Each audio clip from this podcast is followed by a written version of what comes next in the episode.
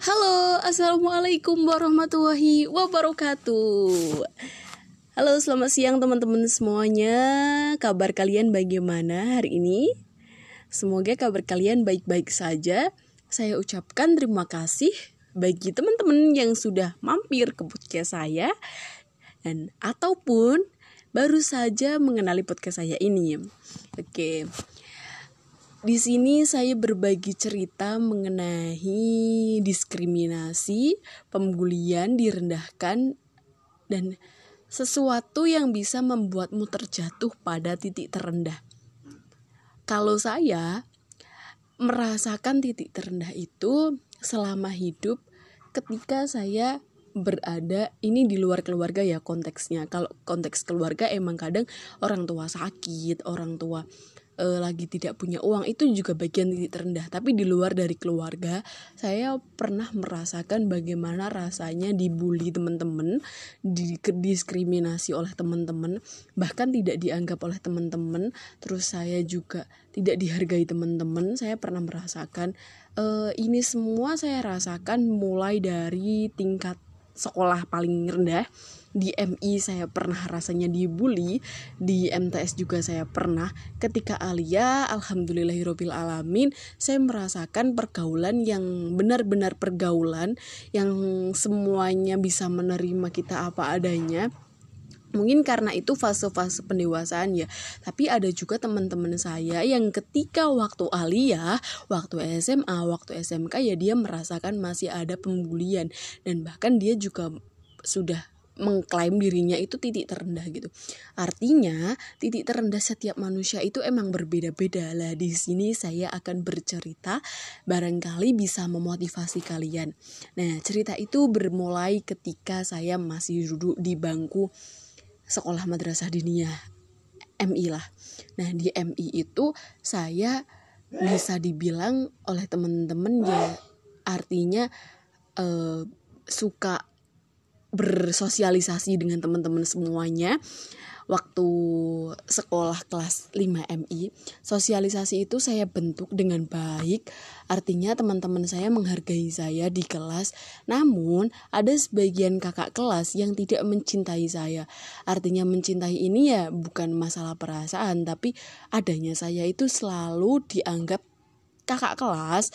Waktu dia masih kelas 6 itu seperti bumerang entah dia itu maksudnya iri dengan saya ataupun itu saya uh, husnudonnya ya nggak sampai segitu.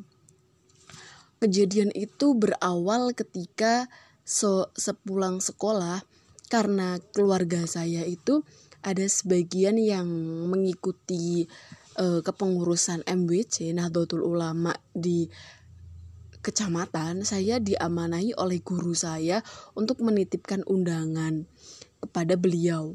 Nah, karena kejadian itu sampai saya lupa mengasihkan undangan itu ke Pak D saya itu. Suatu ke ketika sebelum dikasih undangan, saya dipanggil sama guru, sebut saja si A. Bu guru A ini menunjuk saya untuk mewakili kelas mengikuti perlombaan. Perlombaan sebut saja perlombaan B. Lah, perlombaan B itu mengharuskan teman-teman ada berbagai orang kalau tidak salah ada 10 atau 20 eh 20 orang lah laki-laki dan perempuan Nah, seketika saya itu perwakilan dari kelas 5 dengan satu orang laki-laki. Ketika dikumpulkan semuanya di dalam ruangan, saya langsung didiskriminasi di dalam ruangan tersebut karena ada satu orang yang memprovokasi untuk tidak ikut saya seperti gini. Bu, ini Ella jangan ikut. Ngapain diikutkan? Dia kan orangnya seperti ini, seperti ini, seperti ini gitu. Seakan-akan dia menjelekkan nama saya di hadapan guru dan teman-teman semuanya karena dia punya nama, karena dia juga bintang kelas akhirnya teman-teman di kelas sepakat menyetujui omongan ini anak ini kakak kelasku ini. Akhirnya saya langsung dikeluarkan di dalam forum tersebut. Langsung saya full pulang. Itu adalah titik terendah yang pernah saya rasakan. Apa yang saya rasakan waktu itu masa-masa masa kecil yang direndahkan langsung di sebuah forum saya sudah terbiasa sejak kecil ini ketika masih besar belajar bersosialisasi dengan orang lain kok e, banyak sekali yang merendahkan saya dan kemudian saya dinobatkan sebagai orang yang katanya bumerang orang yang katanya bisa mengakibatkan sebuah kegiatan itu tidak bisa berjalan dengan baik saya sudah biasa menerima itu semuanya gitu. Nah, titik terendah yang pertama kali saya rasakan adalah waktu itu. Pertama kali bersosialisasi dengan teman-teman itulah. Akhirnya saya memutuskan saya bisa keluar dari zona itu. Saya bisa belajar lebih baik lagi. Apakah benar saya seperti itu gitu. Akhirnya saya pulanglah ke rumah, saya nangis, saya sedih, saya nggak bisa berkata apa-apa lagi sampai undangan yang dikasihkan tadi sudah saya nggak ngasih karena saking saya kok ada sih manusia sejahat itu ketika waktu MTS pun sama saya pernah merasakan seperti itu lagi anehnya dia nggak bakal berubah sikapnya dengan saya tapi satu hal yang saya yakini bahwa Segala sesuatu itu akan berakibat. Segala sesuatu yang ada di dunia ini akan ada hikmahnya. Saya pergi keluar dari zona pertemanan yang ada di Sanawiyah dan ada di Emadras Aliyah. Saya pergi ke kota, saya tinggal di kota selama tiga tahun, dan di sana saya merasakan yang namanya kedamaian, ketentraman hidup. Saya mempunyai teman-teman yang sangat baik sekali pada saya meskipun saya jauh dari orang tua tapi di sanalah saya ada saya memiliki jiwa saya belajar lagi dari nol bagaimana menyikapi orang-orang memiliki keyakinan memiliki sikap yang bisa mengatur pola pemikiran saya sendiri gitu. Dan akhirnya orang yang dulu merendahkan saya selagi waktu MTS dan lagi waktu SZ sekarang dia malah merasakan sendiri gitu. Artinya ya dulu dia sering nanya sama saya mengenai perkuliahan dan sebagainya dan sebagainya gitu pernah sekali dia juga kayak canggung ketemu saya dan sebagainya gitu. Tapi saya tetap biasa aja tetap khusnudon tidak berprasangka buruk ke dia itu enggak. Tapi di sini yang perlu saya tekankan menjadi manusia itu jangan pernah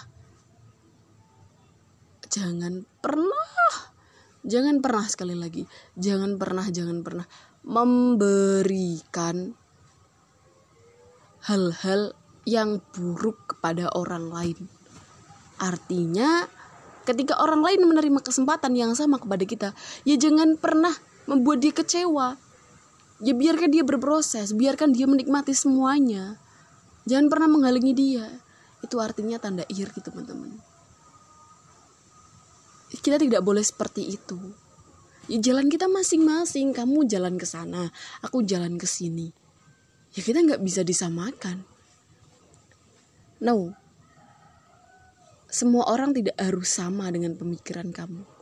Tapi semua orang memiliki jalan dan visinya masing-masing biarpun cara berprosesnya nanti sharing kepada kamu yaitu menjadi sebuah keharusan bagi setiap orang untuk saling bersosialisasi menerima pendapat orang lain satu sama lain.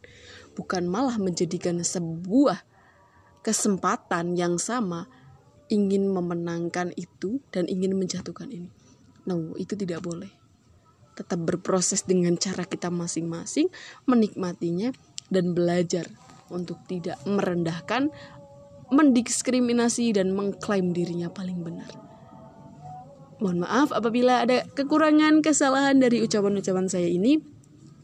Saya ucapkan terima kasih yang mendengarkan sampai akhir. Assalamualaikum warahmatullahi wabarakatuh.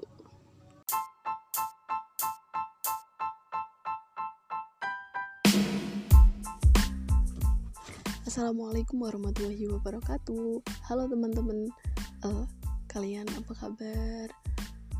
Aku harap sih kalian kabarnya baik-baik saja aku ini masih dalam tahap belajar berbicara teman-teman jadi mohon maaf sekali apabila dalam pertutur kata yang kalian sudah menyaksikan beberapa podcast aku aku masih terbata-bata aku masih mengulangi kata atau kalimat yang sudah aku sampaikan kayak gitu. Nah teman-teman aku di sini malam ini aku podcast ini malam-malam aku itu sudah biasa teman-teman. Jadi tidurnya itu malam banget gitu. Tapi baunya nggak kesiangan alhamdulillah. Ya aku di sini mau cerita tentang kelahiran uh, langsung saja. Aku mulai ya teman-teman. Jadi gini. Kalian pernah nggak merasa kayak gini nih? Aku ini siapa? Aku itu apa sih? Kayak gitu. Pernah nggak kalian berpikir kayak gitu? Itu adalah cara berpikir kita itu berjalan dengan wujud kesadaran. Nah, kita biasanya menyadari hal seperti ini itu berada di lingkungan keluarga. Oh, aku anak ya, anak dari bapak ini, ibu ini, seperti itu. Sampai di waktu kita yang sudah semakin berjalan usianya di usia tujuh tahun yang sudah dimasukkan di sekolah tepatnya barangkali TK sebelum usia 7 tahun. Akhirnya di sekolah pun kita diajari kita diberitahu dengan model pendidikan pengenalan. Ada dua macam pendidikan andragogi dan pedagogi nah pedagogi inilah yang menjadi cara model pembelajaran sekilas di sekolah dasar. Nah, dari pembelajaran ini diajarkan bahwa kamu itu makhluk hidup. Salah satu dari makhluk hidup itu ada manusia. Dari manusia inilah kamu tahu bahwa dirimu itu ya sebenarnya namanya manusia. Manusia yang punya nama. Makhluk hidup yang memiliki anugerah lebih dari makhluk hidup yang lain. Gitu. Nah, sebagai makhluk hidup ini tentu yang dilahirkan mana orang tahu memiliki. Maksudnya gini kita itu tidak akan pernah tahu dilahirkan dari orang apa seperti apa pekerjaannya apa kesibukannya apa. Kita tidak bisa menawar teman-teman. Sampai pada akhirnya kadang kita memunculkan berbagai pertanyaan kayak membuat berita teman-teman ada unsur kapan, bagaimana, mengapa, di mana, siapa. Seperti itu. Nah, tiada orang yang tahu di dalam agama Islam sendiri manusia itu diciptakan atas kuasa mutlak dari Allah Subhanahu wa taala. Sebagai manusia yang mengandung hanya bisa berdoa. Semoga anak saya nantinya soleh solehah semoga anak saya dan seperti itu. Tapi kita di kandungan apa kita bisa? Memilih tidak bisa teman-teman. Nah harapan dari sebuah orang tua itu melahirkan anak yang tadi yang sudah saya sampaikan. Makanya kelahiran seorang anak itu menjadi anugerah tersendiri bagi seorang pasangan muda. Nah Kenapa saya membicarakan mengenai kelahiran? Karena ini sebuah refleksi bagi kita bersama, teman-teman. Refleksi bagaimana kita ini selama usia sekarang dari kecil sampai usia yang saat ini sudah mengalami berapa kali jatuh, bangun. Padahal nama kita adalah doa dari orang tua kita orang tua kita berharap kita menjadi seorang yang misal memberikan cahaya bagi masyarakat menjadi anak yang berbakti dan sebagainya itu. Apakah itu semua sudah terwujudkan di usia kamu yang sekarang? Berapa misalnya 19 tahun 20 tahun kayak gitu? Meskipun di perjalanannya itu ada berbagai rintangan yang barangkali kita mau berdiri lagi, mau berdiri lagi, mau berdiri lagi pun kita harus membutuhkan bantuan dari orang lain. Itu nggak apa-apa. Karena dulu proses kelahiran kita, orang tua kita pun sudah ngoyoh untuk memperjuangkan kita. Sekarang, di perjalanan kita ingin berbakti kepada orang tua pun, kita akan merasakan itu. Itulah dinamika yang namanya kehidupan. Ada naik, ada turun, ada setengah. Enggak cuma kamu saja yang merasakan, tapi setiap orang setiap manusia pun merasakannya. Makanya, ketika saat ini sedang di posisi terpuruk, harus selalu mengingat perjuangan orang tua di saat di kita mulai ada.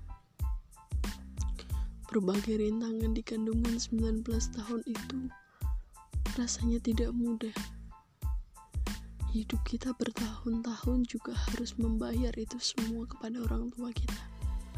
Harapannya semoga teman-teman bisa dan aku pun bisa ya teman-teman.